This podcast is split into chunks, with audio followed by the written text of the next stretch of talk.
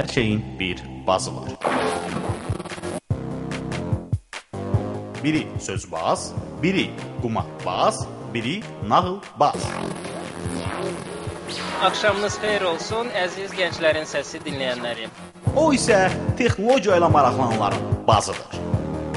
Beləliklə studiyada mən, Böyük Vahid, Hər həftənin cümə axşamı texnologiya ilə maraqlananlar üçün Vahid Qasımovun təqdimatında Texno Bas.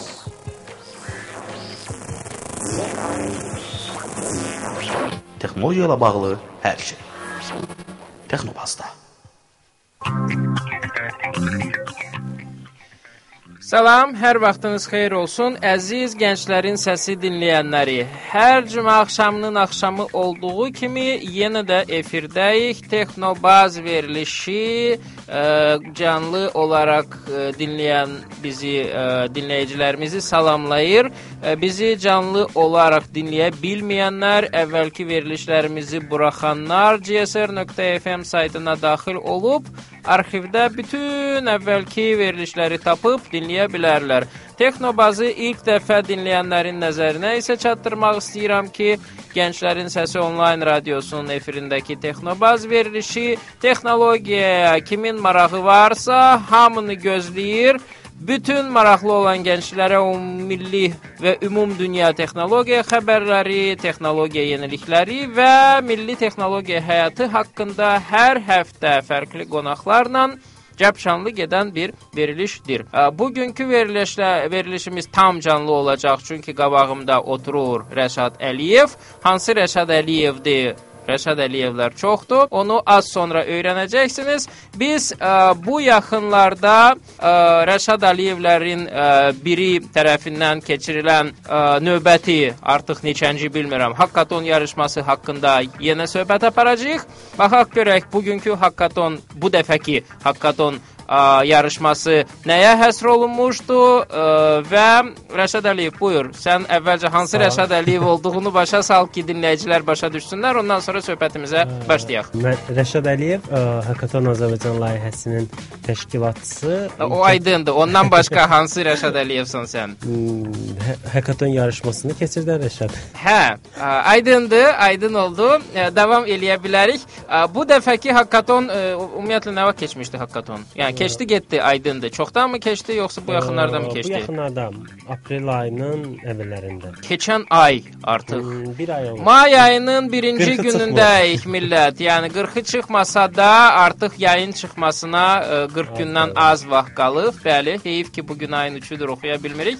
Amma bu gün ayın 1-idir. Bütün zəhmətkeşləri salamlayıram. Hə, ə, nəyə həsr olunmuşdu bu 40-ı çıxmamış hakkaton yarışması? Ə, Bu dəfəki Hakaton yarışmamız informasiya təhlükəsizliyinə həsr olunmuşdu. Nəyə? İnformasiya təhlükəsizliyinə. O nədir elə? Ə, O bizim dilimiz dilimizdə çox hakkerlər deyirlər, onların aiddir. Hakerlərə belə Hakkerlərə bir həsr olunmuş bir yarış idi. onu necə həsr eləmişdiniz? Hakerləri yığmışdınız yoxsa hakerlərə hakerlərin əleyhinə bir aksiya keçirtmisiniz yoxsa hakerliyə yox. son Ə, onlayn qeydiyyat idi. Yığma, yığmışdıq, amma bir yerə yox, onlayn bir mək virtual bir məkana yığılmışdı. Bu virtual hakkaton idi. Bizim hakatonlar çox düzdür, bəziləri yəni yerində də olur. Ümumiyyətlə yəni ki, virtual məkan daha yaxşı məkan olduğuna görə virtual məkanda ə, toplamış da olardı Əlbəttə, sponsora ehtiyac yoxdur, yeri kiralamağa ehtiyac yoxdur. Yox, sponsora ehtiyac var, çünki o yarış qaliblərinə təbii ki, hədiyyələr vermək. Nə vermişdiniz? Və, Ən ə, maraqlı məqam. Ha, birinci yerə qalibinə MacBook, iPhone. MacBook Pro Hə, verilmişdi. onun kimi bir şeydir. Aha. No, onun biraz belə böyük və üstündə klaviaturası Yəni olan mən bir bilən versiyası idi. Apple ə, bəs kim idi sponsor? Risk şirkəti və Rabitə və Yüksək Texnologiyalar Nazirliyinin ə, rəsmi dəstəyi ilə keçirilmiş. bir Onlardan hansı vermişdi MacBook-u risk yoxsa Ə, Onlar maliyyə dəstəyi olmuşlar, digər şeylər artıq özümüzə bağlamışdıq. Aha, lap yaxşı, halal olsun ə, Qalibə. sponsor olan, yox, sponsor olan şirkətlərə birinci növbədə. Yaxşı, virtual bir şəkildə hakkatonu keçirdiniz. Virtual bir şəkildə keçirilən hakkatonda neçə nəfər adam iştirak eləmişdi? O adam olaraq deməyək, daha çox komanda şəklində idi. Çünki ümumiyyətlə hakaton özü bu dəfəki bir neçə kateqoriyalarda idi və 95 komanda qeydiyyatdan keçmişdi. 100-ə yaxın. Şey. Yəni Azərbaycanda informasiya təhlükəsizliyi sahəsində 100-ə Komanda deyəndə komanda. həmin komandada bir nəfərdən artıq iştirakçı var idi, Hə, yoxsa yəni komandanın bir nəfərlik- qaydası var idi. Minimum 1, maksimum 3 nəfər iştirak edə bilərdi komandada. Aha. 1 nəfərlik komandalarımız da var idi aktivlər. 3 nəfərlik komandalar da var idi. Ə, nəticədə bir nəfərmi qalib gəldi, yoxsa 3 nəfərmi? Bir nəfərlik e, top 5-likdə bir nəfər, e, yox, 2 nəfərlik komandalar var idi, amma qalib gələn birinci yerə çıxan təbii ki, bir nəfər, 3 nəfərlik bir komanda olmuşdu.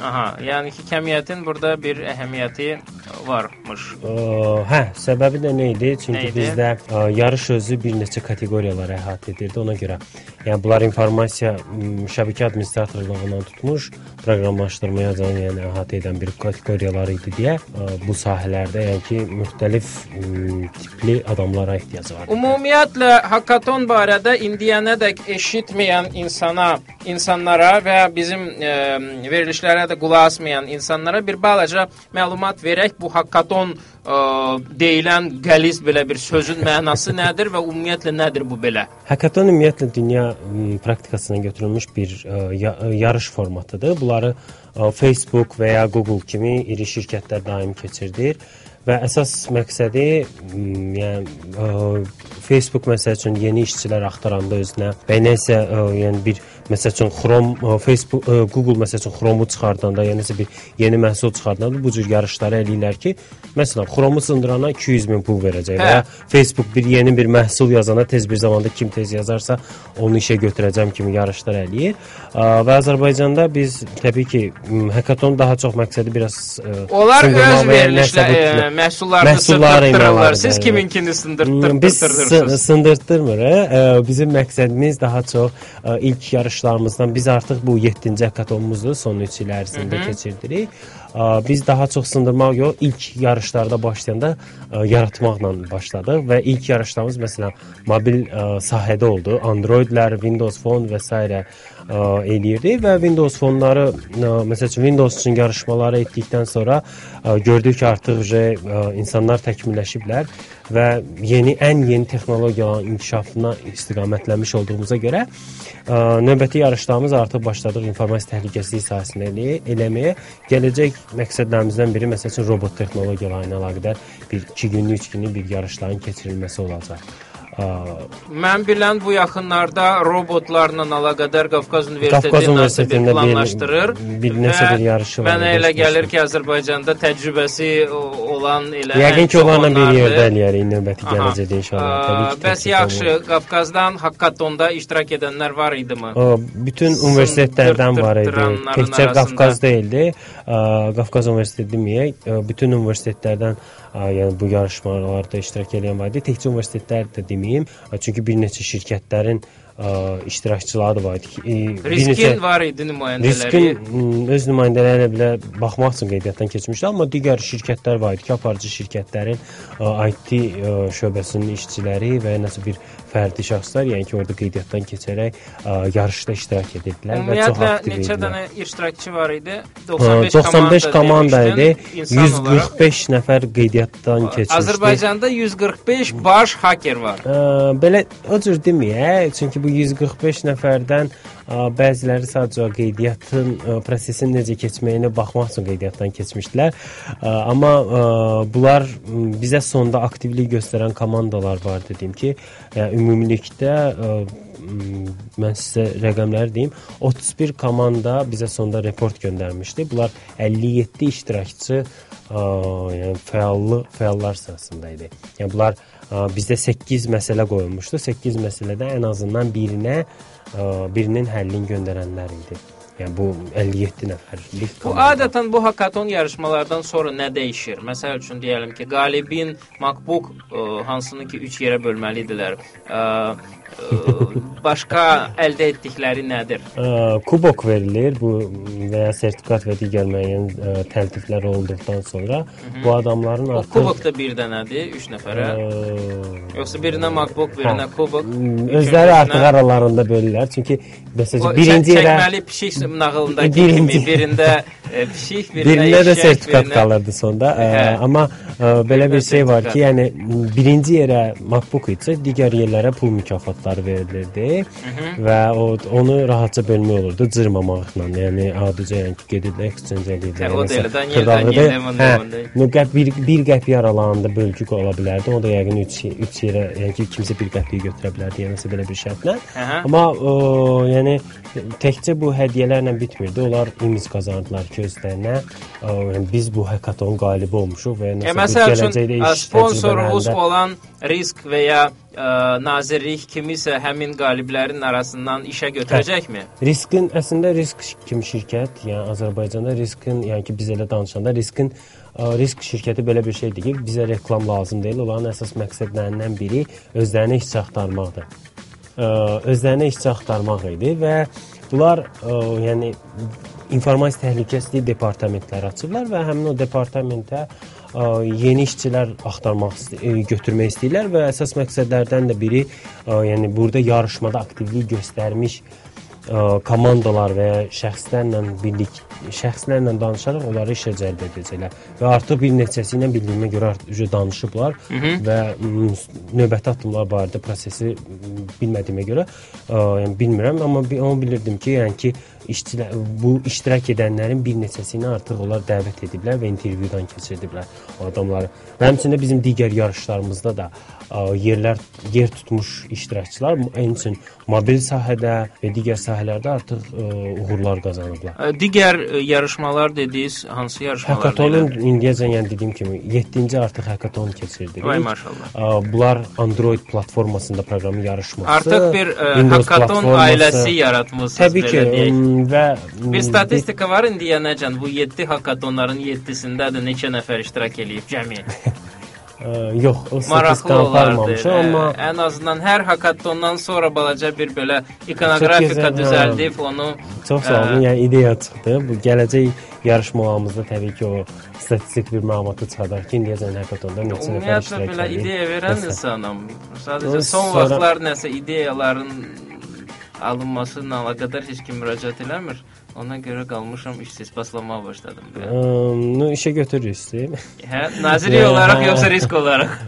Bir ə, yarışmalarımızda iştirak eləyin, sizi yəni ki, onda nəzərə ala. Hə, bir Yəni, kreativ ideyalara həsr olunmuş hackathon keçirsəz, Hmm, ə, bu yaxınlarda bir balaca bir sirr açım ki, ə, bir şirkətlə birlikdə ə, təşkil əvvəllər həmişə biz təkcə tək hackathon komandası olub, amma indi bir komanda bizə çıxıb ki, onlarla bir yerdə bir hackathon keçirmək istəyirik, amma sponsor deyəsən axtarışında nəsə dayanmışdıq. O da o xırda bir problemdir. O məncə tez bir zamanda həll eləməliyik. Onun içərisində yarışın içə- içərisində ə, ideya yarışması da ə, bir bölməsi olacaq. hmm, orada yaş Yəni- məhdudiyyəti var, belə Yox, yaş məhdudiyyətimiz kişiləri- yoxdur. Hətta biz yaş məhdudiyyəti barədə belə bir şey deyim bizə. Ə, Bizim ümumiyyətlə sizə bir məlumat verim ki, bizim yarışmamızda bir iştirakçı var. İndiyəcən yəni bir çox hackathonlarımızda artıq aktiv iştirak eləyib və hamısında yer tutmasa da, amma çox inadcıl bir iştirakçı Natiq Babayevdir. Bəlkə də eşitmisiniz zaten yenəsə. Bu bizim hackathonlardan başlamış bir gəncdir. Bu yaxınlarda eşitdim prezident yanında elm fondundan yəni ki, gənc şagird üçün 11-ci sinif şagirdi üçün yəni yaxşı bir məbləğdə bir qrant layihəsi udmuşdu. Yəni ki, bu bizim hackathonlardan çıxmış gəncdir və inadcıllığı hesabına və bizim məsəl üçün dəstəyimiz hesabına düz yer tutmamışdı heç vaxt. Top 3 yeri və ya 5 yeri tutmamağına baxmayaraq, amma yenə də bəzi bir dəfə desən 4-cü, 5-ci yerlərə çıxmışdı. Onda da biz təs təəssüf ki, ilk üçlüyə hədiyyə vermişdik. Amma ə, bu uşaq çox inadcıl olmaq. Səbr edən dərviş səbr edən də ə, səbrlə gəlib yəni ki, qrant almış. layihə bir ə, udmuşdu. Yəni ki, Bu sonda bir nəticədir ki, bizim yarışlardan belə adamlar çıxır və biz artıq ə, Azərbaycanda yəni ki, informasiya təhlil, informasiya texno, yeni informasiya texnologiyaları belə deyək, informasiya texnologiyalarının Yeni yeniliklər- olmayan informasiya texnologiyaları da mı var? var, gerdə qalmış proqramlar ola bilər və ya nəsə Ha bu bizim ə, bir çox ə, dövlət 1.4 universitetində ölçüdə disklər və ya məndən arxası belə olan ə, köhnə qadınlarda kim belə bir arxalı bir monitorlar və s. belə bir şeylər ola bilər. Hansı ki, yəni ümumiyyətlə geri qalmış bir ə, texnologiyalar ola bilər. Amma yeni texnologiyalar ümumiyyətlə məsəl üçün mobil telefonlar üçün proqramların yazılması və ya informasiya texnologiya, informasiya təhlükəsizliyi, ə, robotlar, nanotexnologiyalar və nəsə bunlar ümumiyyətlə yeni texnologiyalar saymaq olar. Bu informasiya təhlükəsizliyi yəni, haqqında iştirak- 10 illərlə danışırlar. Yəni bu 10 illər ərzində bir informasiya texnologiyasını qura bilməyiblərmi ki, E, qurublar. danışırlar, Sadəcə danışırlar, amma ki hər zaman aktualdır. İnformasiya təhlükəsizliyi ümumiyyətlə informasiya texnologiyaları ə, daim yenilənir və m, bu sahə Yeni təhlükələr ortaya yeni çıxır. təhlükələr də ortaya çıxır və informasiya təh təhlükəsizliyi elə bir sahədir ki, orada hətta insan 1 saat ə, yəni aktivlik göstərməsə, o, o çox geridə qalmış sayıla bilər. Hı. Ə, və ona görə də informasiya təhlükəsizliyi ən aktual bir mövzulardan biridir və gələcəkdə də olacaq. Çünki m, daim yəni sənin də evinin oğurlanması və ya yanması bir təhlükəsi olduğu kimi, sənin saytında sınması təhlükəsi Evin, və ya bir ə, sistemin ə, bu sahədə Yanmasına qarşı sığorta etmək lazımdır evi. Bizdə məsələn saytı və ya hansısa internet layihəsinin sığortası mövcuddurmu hal-hazırda? M, görməmişəm amma sığorta şirkətlərini buna çağıra bilərik ki, bunu eləsinlər ki, saytların m, aktivləşdirmiş olsunlar. Və ya bu cür bir Və serverin yaratsınlar. Təbii təhlükəsizliyini ki, hə, yaxşı bir təklif ola bilər. Sığorta şirkətlərinə bu çağırış şey eləyir Artıq ki, ikinci təklifimdir. Yəni veriliş Ə, ərzində sayaq. veriliş hələ bitməyib. Az sonra, yəni biz təkliflərə hər zaman açığıq. Hə. Ə, bu hakkaton, makkaton ə, hansı ki belə qəribə bir ada sahibdir. Ümumiyyətlə nə şəkildə keçirilmişdi onlayn rejimdə? Yəni onlayn, Onlayn ə, rejim- dediyi zaman hər zaman ağlıma belə bir şey gəlir ki, bir nəfər qeydiyyatdan keçir, onun dalında başqa bir adam ə, dayanıb onun sağ, sağ qulağına pıçıldayır ki. Belə elə, elə elə. Bu elə yəni ki, deyildi. bu cür halları Yox, bu- siz ümumiyyətlə nəzərə alırsınız Əlbəttə, yoxsa onlar sizin üçün əhəmiyyət kəsb eləmir? Çünki insanlar ə, müəyyən vaxtdan sonra artıq ə, yəni ki, komanda şəklində işləyirsə və burada suallar daha ə, aktual suallar verilir və nəsə bunun insanın özünün orada olmasına ehtiyac olduğuna görə təbii ki, onlar ə, yəni özləri görürlər ki, aktivlik ə, göstərirlər və həmçində ə, yəni bizə məsəl üçün də tapşırıq verilir. Tapşırığın o adam özü e-maillə yəni bizə göndərməlidir və nəsə bir yaxınlaşıb özü gətirib verməlidir və ya digər bu cür şeylər etməlidir. Və informasiya bu təhlükəsizlik yarışmasında da qoyulmuş 8 məsələni insanlar yəni komanda arasında bölüşdürüb edirdilər və biz onların yəni necə etdiklərini özümüzdə yəni şahid Məsəl üçün mən çoxu vaxtı belə bir ə, məsələyə şahid oluram ki, tutalım ki, hansı isə cavan uşağın ə, bir türk dostu var, türk dostu ona skript göndərir, o Hə. düyməyə basır və hansı isə Ə, saytı m, Yəni ki, ümumiyyətlə bu yarışda serv bizə bu texniki dəstək olan, ə, yəni texniki sponsorumuz Delta Telekom şirkəti idi. Əgər Delta Telekom tanımayan varsa, bu Azərbaycanın ən böyük backbone-dur. Bütün ə, Azərbaycanın internetini, ə, yəni ki 150 gigabitə yaxın internetlər var və bütün ə, bizə onlar yəni texniki sponsorluq eləmişdilər və belə bir şey olmuşdu ki, ə, onlar bizə serverlər vermişdi ki, hansı ki biz orada tapşırıqlar yerləşdirmişdik. Həmin o tapşırıqların serveri Ə, biz tap, yəni şərt qoymuşduq ki, Azərbaycandan kənarda Türkiyə və digər ölkələrdə sadəcə o açılmasın. Bloklanmışdı digər ölkələr. Yalnız Azərbaycan IP-lərindən ora daxil olmaq olurdu. ə, maraqlıdır. Ə, maraqlıdır. Onu maraqlı şəkildə ə, şey eləmisiniz, qarşısını almısınız bu cür halların.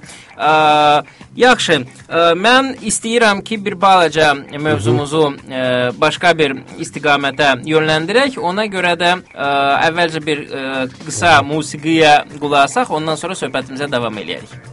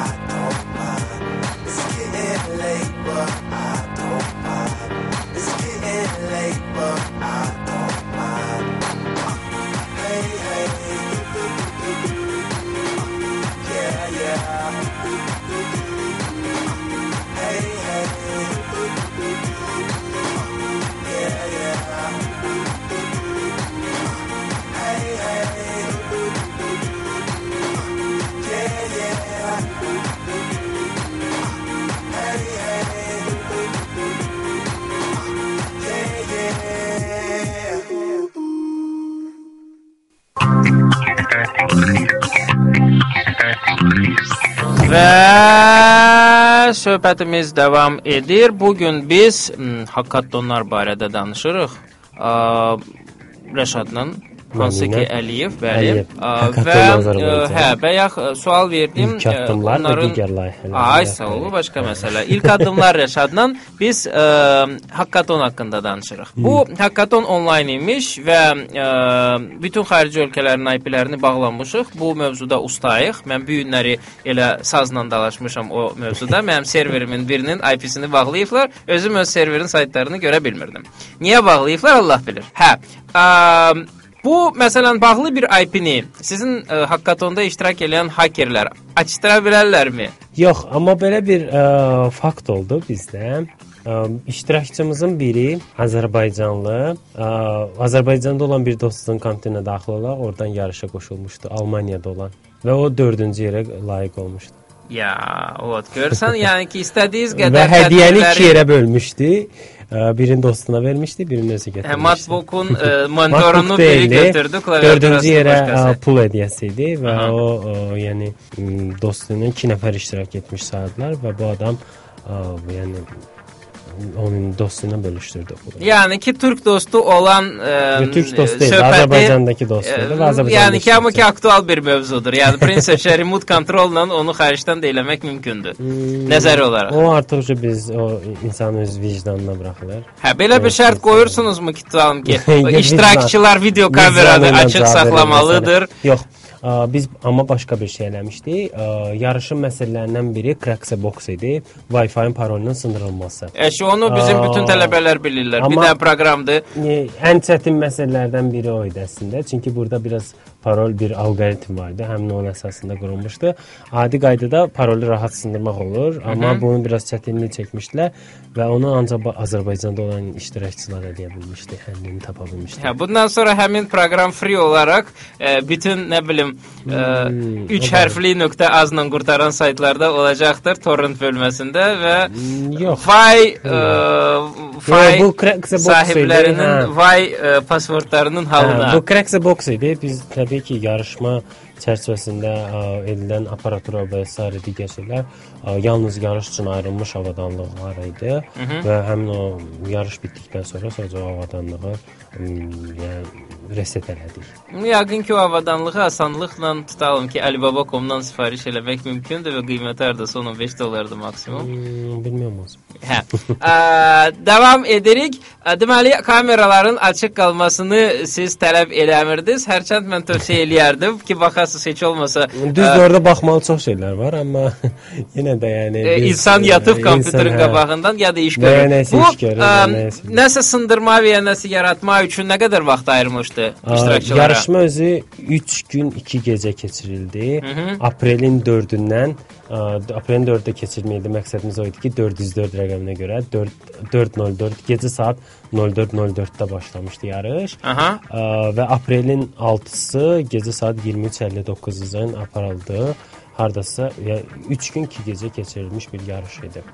3 gün ərzində iştirakçılar yatmırdı, yoxsa yatırdılar arada bir? Hmm, yatanlar da var idi, 3 günü yatmayanlar da var idi və növbə ilə yatanlar da var idi. Növbə ilə yəni ki, Bu ə, nəsə iş bir görənlər də neçə var gün idi. davam edən e, tədbirlər nəsə dəbə düşməyə başladı. Yəni startup e, weekenddə də deyəsən 3 günlük və ya 2 günlük yarışma idi. Ondan sonra Orada deyəsən yəqin də evə gedirdilər. Burada amma adam evindədir ki, artıq oturub işləyə bilərdi və nə əsas odur ki, sonda nəticə göstərsin. Yəni Yarış bunu- özü 67 saat 55 dəqiqə keçirildi. Dəqiq vaxt olaraq desəm. Ə, Və bu müddət ərzində yatmayan komandalar daha aktiv komandalar idi. Top 10-luqda hətta deyə bilərəm olan komandalar. onların idi. e, yatıb yatmadıqlarını hardan e, Hmm, bilirsiniz? bizə göndərdikləri reportların hesabına çünki ə, hakaton Bəlkə onlar növbə ilə yatırdılar. Biri yatanda o biri Hmm, göndərirdi. o da- Amma fərdlər də var idi ki, bir nəfər idi. 6-cı yerə çıxan bir adam var idi ki, 8 tapşırıqdan 6-sını tək te, e, yəni ki, tək olaraq eləmişdi. O 6 tapşırıqların 8 tapşırıq. 8 idi. tapşırığının adını çəkmək mümkündürmü? Ya ümumiyyətlə nəsə başa düşəcəyik o terminologiyadan? Hmm, a- açılışını verə bilərəm. Ya onlar nə nə dərəcədə yaradıcı belə Ə, şeylər idi? 8 tapşırıq idi. Bunlardan ən asanı birinci ə, tapşırığımız əyləncəli bir mövzuda tapşırıq idi. Sadəcə əyləncəli bir mövzu qoymuşduq. Mövzuların özü də xırdaqlığa barədə deməyəcəm, çünki ə, o məsələləri biz növbəti yarışda sadəcə demo kimi qoyacaq ki, insanlar özlərini test eləsinlər. Ə, Tapşırıqlardan biri əyləncəli mövzuda idi. Növbəti tapşırıq, məsəl üçün birinci tapşırıq Ən əyləncə idi. əyləncəli mövzu Adi nədir? bir Yəni hansısa idi. Hmm. oyunda e, neçənci levelası gəlmək, yoxsa o da demək olardı, amma tapşırıq barədə yəni biz yarış ə, ə, sadəcə tapşırığı yerinə yetirənlərə vermişdik. Həmçində növbəti yarışımızda sa- əgər növbəti yarışımız olarsa, saytda açıq qoyacağıq. barədə. iştirakçılar nəsə qanunla biz sizə imzalayıb ki, bu tapşırıqları açıqla Yox, ya bilməzlər. M, istəsələr özü açıqlaya bilərlər, amma biz açıqlamırıq. onlardan soruşa, bilərik. Yaxşı. Növbəti növbəti bir, verilişimiz ə, ə, bizə bir hacker çağıracağıq hakaton yarışmasında iştirak edən. bütün 8 tapşırıq barədə. Hə, bütün sirlərini Amma açacaq. belə bir şey var idi. Tapşırıq məsələləri eyni mövzu idi, amma məsələnin həlləri müxtəlif idi. Sonra ikinci tapşırığımız Crack the Box idi. Qutunun sındırılması belə deyək və bu Wi-Fi parolunun sındırılmasına gəlib çıxmışdı. Bunu artıq açdım sizə. Ə, Orada sadəcə biz bir yerə nöqtəyə, yəni ki, bir Wi-Fi qoymuşduq, access point və onu götürüb sındırmaq, sındırıb bizə parolunu göndərməli idilər. Sonra növbəti bir tapşırıqlardan biri tərsinə mühəndislik idi. Tərsinə mühəndislik ingiliscə reverse engineering edir. Ə, Bu nə idi? Exe fayldır və ya nəsə bir fayldır. Onu bu ex, işləyən exe fayldan gedib proqramın koduna çıxmalı idi və o kodun içindəki proqram kodunun içində gizlənilmiş bir gizli kod var, yazılmışdı. Hansı ki, məsələnin həlli idi, onu bizə göndərməli idi. Sonra dördüncü O, tapşırığımız onu özləri eləyirdilər yoxsa decompile biz onlara falan dünya qədər? Özləri də compile edib assembler bilik, bir balaca assembler bilikləri ə, lazım idi ki, onu eləsinlər və bizə ə, məsələnin həllini göndərsinlər. Növbəti bir məsələ dördüncüsü. cavanlıqda elə şeylər çox eləmişdim. Çox Biraz cavan bir olsaydım. Sonra ə, yəni cavansınız, hər zaman yəni qoşula bilərsiniz. Bizə də Yox, maraqlı olar. vaxt, vaxt, Hə, vaxt məhdudiyyəti. O hədiyyəni görüb növbəti yarışımızda bizim bundan qabaqki məsəl üçün informasiya təhlükəsizlik yarışımızda ə, qalibə pul mükafatı Yox, vermişdik. O mənə cəzib gəlmir. Yəni siz tutalım ki, Gələn məsələn, yarışımızda ola tank bilər. versəniz, Hmm, tank məsələn, verməli, çünki tankı ki, o müdafiə nazirindən yazaq və sər onu çıxaraq. Sponsor olaraq onları cəlb edə bilərsiniz. Asfaltlamaya geri beton ələyir və sər təkərli tanklar var. Hə, Onlar betona zərər BT, o- vermirlər. fikirləşmək olar. Onun qayzatson saxlayanda ki, qayının üstünə keçsə. Onun üçün nömrə Hə, yapışdıraraq. nömrə və sair problemlər yaşana bilər. Ona görə də biz sadəcə olaraq Və qayının database-ini də sındırmaq mümkündür ola bilər. Növbəti yarışımızda hardasa bir 3000, 5000 manat civarında pul verək. Bu Bu da 3 nəfərə yoxsa 1 nəfərə? Hmm, Yarış qalibinə. Ola bilər 1 nəfər olsun, ola bilər 3 nəfər olsun. O artıq ə, komandadan asılıdır. Əgər 3 gecə işləyib gün və gününüzə 1000 manat qazanmaq istəmirsinizsə, onda problem deyil, qoşulmaya Ə, bilərsiniz. sponsorlardan çıxır bu pul, yoxsa ümumiyyətlə sponsorlardan başqa bu risk və ə, nazirlikdən başqa kimsə dəstək Bizə, vermişdi sizə? Təbii ki, bizə daha çox dəstək. Bu dəfəki yarışda rəsmi dəstək çox idi. Bu Rabitə və Yüksək Texnologiyalar Nazirliyi dəstək olmuşdu. Sonra Nazirliyin nəzdində elektron təhlükəsizlik mərkəzi yaradılıb. Onlar dəstək olmuşdu. Sonra Maddi dəstək yoxsa mənəvi dəstək? dəstək olmuşdular bizə. Ondan başqa tələbə Azərbaycan Tələbə Gənclər Təşkilatı Təşkilatları İttifaqı dəstək olmuşdu. Onlar necə tə- dəstək eləmişlər? Əm, Tələbə Gənclər Təşkilatı tə, təbii ki, gənclərlə əlaqədar bir təşkilatda onların marağı olan bir yəni dəstəki idi. Sonra ə, Risk şirkəti sponsorlarından O. Delta. Telekom, Aha. Delta Telekom şirkəti dəstək olmuşdu və sonra Yüksək Texnologiyalar Parkı dəstək olanlardan biri idi. Yüksək Texnologiyalar Parkından başqa sonra İlk Addımlar Təşkilat dəstəyi, sonra NITS, Yer Hosting və xarici bir Hackathon Hero bir qrupu var. O, onlar da bizə Onların nə marağı var idi belə xarici ə, təşkilatların Hmm, Azərbaycan barədə xaricdə məlumat yayırdılar. Onlar hakerlərin Hə, CTF barədə ümumiyyətlə CTF-lərin ə, hackathonlar barədə onlar məlumatlar yerləşdirirlər və bizim bu bu dəfə keçdiyimiz bu CTF formatlı Capture the Flag formatlı yarışın ə, yəni sadəcə olaraq məlumatını yerləşdirmişdilər. Mən ə, məsələlər barədə daha bəsdir, yoxsa digərləri barədə də məlumat verim, tapşırıqlar barədə. İndi Bir- mən sizə sual verirəm. Hə. Hə. Buyur, sual eşidirəm. Ə, digər əslində tapşırıqlar barədə məlumat vermək istəyərdim. Bunlardan biri steqanografiya idi. Bu şəklin içində gizli bir kod yerləşdirmişlər. Həmin o kodu tapıb bizə göndərməli idilər. O şəklin içində kod o nəsə təzə bir Hə, şeydir. yox, təzə deyil, çoxdankı bir terminlərdən biridir. Steqanografiyadır. Maraqlana bilərsiniz. Sonra bir tapşırıqlarımızdan biri proqramlaşdırma tapşırığı idi. Düzdür, çox sadə qoymuşduq, amma yenə də proqramlaşdırma mövzusunda bir tapşırıq idi. Dilin hər hansı bir əhəmiyyəti var idi, Yox yoxsa? idi. Hmm, əhəmiyyəti yox idi. Sonra növbəti bir tapşırıqlardan biri kriptoqrafik bir mövzuda idi ki, insanlar kriptoqrafiya ilə əlaqədar bir tapşırıq əldə etməli idilər. Düzdür, sadə bir tapşırıq idi, amma eləmişlər. Sonra web mövzusunda bir tapşırıq qoymuşduq ki, biz saytın sındırılması ilə əlaqədar və həmçində bir- Kimin saytını sındırmışdınız? Aa, bizim qoyduğumuz demo saytı sındırmalıydı. Test saytı qoyulmuşdu. O demo saytın içərisində qəsdən hansısa Hansısa açıqlar bir kod qoymuşduq. Həmin o, aa, hə, təbii Ümumiyyətlə ki. elə bir sayt mövcuddurmu ki, onda heç bir açıq olmasın? Hmm, sadə statik HTML saytdırsa, hə. Yox, sadə olmayan, statik olmayan, HTML olmayan saytdırsa. Hmm, hello world yazıbsa, hə. Yox, o dərəcədə deyil də, ciddi deyirəm. Yəni Ə, içərisində e, dəyişilənlər də olsun, informasiya ondan sonra təhlükəsizliyi elə verilənlər bir bazaları da sahədir ki, olsun. İnformasiya təhlükəsizliyi elə bir sahədir ki, o sahədə ə, yəni belə deyim də, ə, insan nəyisə sındırmaq istəyirsə və ya bədniyyətli adam nəyisə sındırmaq istəyirsə və ya nəyisə əldə etmək istəyirsə, o o niyyətinə çata biləcək. Və sizin dediyiniz o təhlükəsiz Yəni mütləq saytlar- təhlükəsizlikdən söhbət gedir. Elə bir şey mövcuddurmu, yoxdur, yoxsa ümumiyyətlə mütləq təhlükəsizlik üçün yaradılmış maneələr ə, anlayışı var ki, bu təbii ki, o təhlükəsizlik sonda son nəticəyə yola gəlib çatmaq üçün yolda o qədər maneələr olur ki, o bədniyyətli insan yorun yarısından sadəcə fikrini dəyişib geri qayıda bilər. Yəni, ona görə də yəni ki, informasiya təhlükəsizliyində sadəcə o maneələri çoxaltmaq lazımdır. Və bizim ə, yarışda Amma ki olan- əzmkar bu elm fondundan ə, hədiyyə almış bir insan kimi əzmkar bir insan olsa, deməli bütün maneələri aşaraq yenə də məqsədinə çata bilər. Təbii ki. Hə, yəni ki, məqsəd 3 qoysa- gün çalışıb sizdən 3000 almaqdansa bir 30 gün çalışıb Milli Bankın verilənlər bazasını sındırmaq əlbəttə ki, mən ona çağırıram. Yəni haqqatonlara vaxt sərf eləməyin, ə, Yox, işlə məşğul olun. Axırda düzdür 30 illik ə, həbsə düşmək mümkündür, amma Ə- Azərbaycanda ə, yarışın qaydalarından biri bu idi ki, biz yarış qaydalarında qoymuşduq ki, biz ə, sonda m, yəni biz fəsadlara, yəni ki, biz cavabdeh deyilik. Həmin o insan Azərbaycan Respublikasının Qanunvericiliyinə uyğun. qanunvericiliyinə cavabdehlik daşıyır, məsuliyyət daşıyır. Çünki insan gedib bizim yəni ki, ə, yer tutmayıb, gedib başqa bir saytı və ya nəyəsə bir sındıra bilər. Təbii ki, biz ona cavabdeh deyilik. Adam gedib artıq orada cinayət törədirsə, biz o cinayətə cavabdeh deyilik. Bu adi bir idman yarışları kimidir. Əgər burada yarışda kimsə bir qalib gəlmişsə, gedib savla küçədə kimsə döyürsə və ya nəsə bir cinayət törədirsə, o təbii ki, cinayətə ə, məhsul olmuş olur. Tutub basacaqlar. Yəni, tutub basacaqlar. Yəni bu da eyni şey, eyni şeydir. Yəni biz burada məsuliyyət yəni ki, insanın öz üzərinə düşür.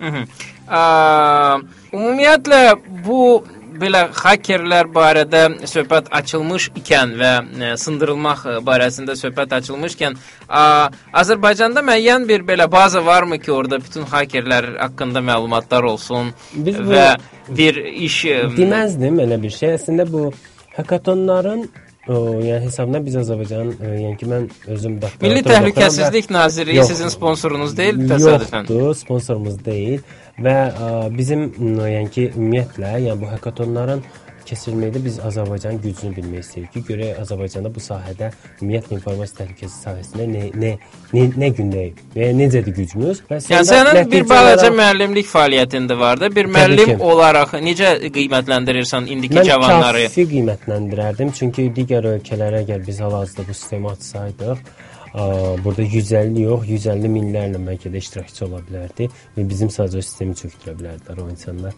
Amma Azərbaycanda bu insana 10 milyon adama 10 milyona yaxında 9 milyona qədər əhalimiz varsa, 10 150 milyona yaxın iştirakçı. adam- 150 iştirakçı və bunların içində 57 də aktiv iştirakçının olması 57 nəfərin yəni 10 min nəfərlik bir ə, əhalinin informasiya təhlükəsizliyini sabla qorumaq məcburiyyəti olsa və nəsə bir bu cür kiber hücum gəlsə bizə bunun qarşısını almaq üçün yəni ki, bir rol oynaması, ə, nəsə bir şey eləməsi ümumilikdə çox zəifdir, amma ə, əvvəlki illə, keçən illə müqayisədə Artış var. Aa, bir 10 qat yüksəkdir bu. 10 qat yüksəkdir. Ona Çünki görə- keçən ildə eyni tipli bir düzdür, biraz ə, lakanik bir yarış keçirmişdik, amma ə, keçənki ilə müqayisədə artıq 10 qat artış. ə, Ona görə- olduğunu gö- görürük. Ona görə ə, biraz mükafat ə, fondunu artırmaq lazımdır Hmm, ki, Biz Google deyilik. Google belə yarışlar edəndə 200 minlərlə hədiyyə verir, amma biz təbii ki mükafat fondunu artırmaq amma biz bir neft ölkəsiyik, yəni dövlət Aa, biz- dəstək olsa Aa, əslində biz ne, e, Google neft onun ölkəsi yanında o, təbii ki, ki? bizim a, məqsədimiz bu sahəni inkişaf etdirməkdir və biz birdən bir yəni ki, məbləği yüksək qoya bilmərik, amma Yavaş, ki, yavaş. mərhələ-mərhələ ildən neçə dənə hakaton yarışması keçirdirsiniz? Elə yol olub ki, biz hardasa 3 dənə, 4 dənə keçirmişik. Elə, Məsəl üçün bu ilə bizim ilk ə, bir bir yarışma idi. Təşkilatçılıq işləri çox vaxt aparır. Məsələn, bunu tutalım ki, hər ay eləmək olarmı? Təxminən mən sizə deyim, əgər sponsor olursa biz bu yarışı ümumilikdə ə, yəni yarış özü ə, əhatə etdi hardasa mən sizə yarışın vaxtını deyim.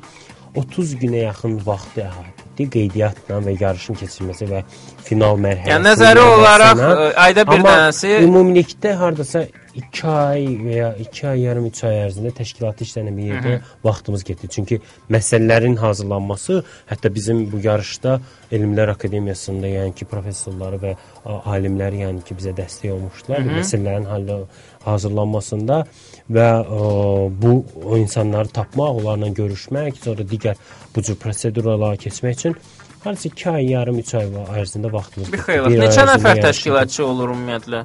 Ümumilikdə Hakatonlarda. o, 20-yə yaxın bu dəfəki yarışmamızda 20-yə yaxın təşkilatlı komanda var idi. Yəni böyük bir komandamız var və get-gedə də komandamız hər dəfə bizdə dəyişir.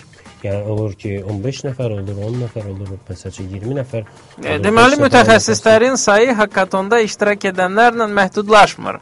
E, Onlardan başqa bir e, daha üst səviyyə belə deyək, e, komanda da mövcuddur, hansı ki təşkilatlı sabahları aparır bizdə. hə, e, Ə, bizim bu təşkilatı komanda olmasa, yəni burdan əgər onlar dinləyən varsa, onları salamlayıram hamısını. Və bizim yəni bu təşkilatı komanda olmasa təbii ki, bir nəticə əldə etmək olmaz və sağ olsunlar, yəni hər zaman yəni təşkilatı komandamız bizə çox yüksək dəstək olur. Yəni birlikdə ə, işlər görürük və həmişə də çalışırıq ki, yaxşı bir nəticə əldə edək. təşkilatçılar üçün hakaton nədir? Yəni sizin nəyinizə Təşkilatçılar üçün lazımdır? bu təcrübədir və gələcək karyera üçün, yəni bir ümumiyyətlə yəni ki, dünya görüşüdür. Və bu yəni ki, mən bir neçə yəni təşkilatçılarımız bizim yəni burada təşkil təşkilati işlər görməklə yəni şirkətlərlə artıq rahat əlaqədə olurlar, özlərini tanıdılar və həmçində çox yüksək bir təcrübə əldə edirlər ki, ə, hakaton kimi yəni yüksək səviyyəli bir ə, ümumiyyətlə yəni ki, çox imici olan bir yarışda yəni təşkilatçılıq etmək çox böyük bir məsuliyyətdir və bu məsuliyyəti hiss edərək onlar özləri böyük bir təcrübə əldə edirlər və sonda digər işlərdə özünün təcrübələrini artıq istifadə edirlər. Milli hakatonu xarici hakatonlarla müqayisə eləsək Və və, biz- iştirakçılarımızı da e, Hmm, belə əslində biz- digər ölkələrdəki iştirakçılarla müqayisə eləsək, e, necədir vəziyyət hal-hazırda? Hmm, artıq yaxşıya doğru gedir. Çünki biz əvvəl, ə, yəni hətta biz ım, bir şey deyim ki, bizim bu indiyəcən təşkil etdiyimiz 7 hakatonun biri beynəlxalq hakaton olub. Ə, və o hakatonda artıq ona yaxın komanda iştirak eləmişdi. Android mövzusunda keçirilmiş bir yarış idi və milli hakatonun əslində digər hakatonlarla müqayisədə nəticəsi olaraq bir şey deyim ki, bizim yəni adi Android yarışmasından, yəni ki, statistika göstərir ki, biz Android yarışmasında olan, Android mövzusunda olan hekatonları keçirtməmişdən qabaq Azərbaycanda cəmi 3-4 nəfər Android üzr, Android mobil platformasında developer var idi. Hı -hı. Və bizim hekatonlardan sonra hal-hazırda Azərbaycanda bir 30-a yaxın Android developer var ən azı.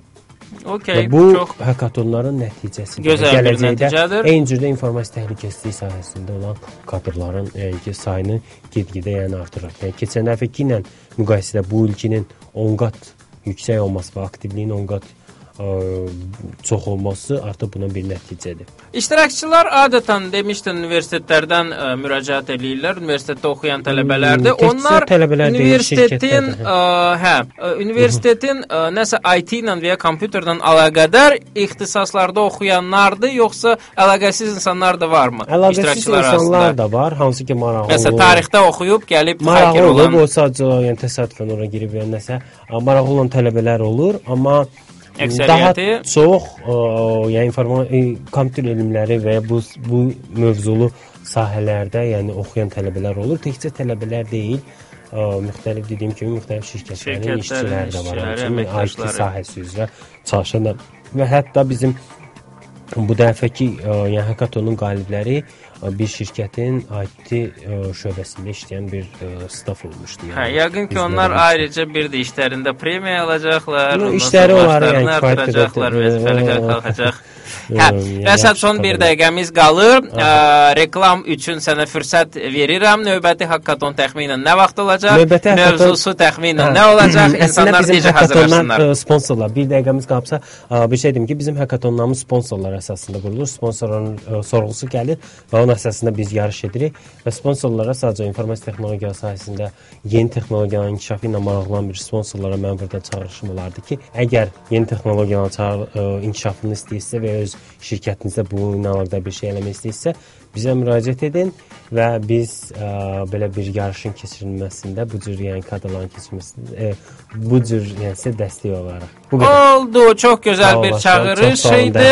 Ə, Bəli, mən sizi də ə, sizə də təşəkkürlərimi bildirirəm. Bütün bütün bizi qulaq asanlara da ə, təşəkkürlərimi bildirirəm. Gələn hakkatonlarda və gələn ə, texnovazlarda görüşmək ümidi ilə. Sağ olun.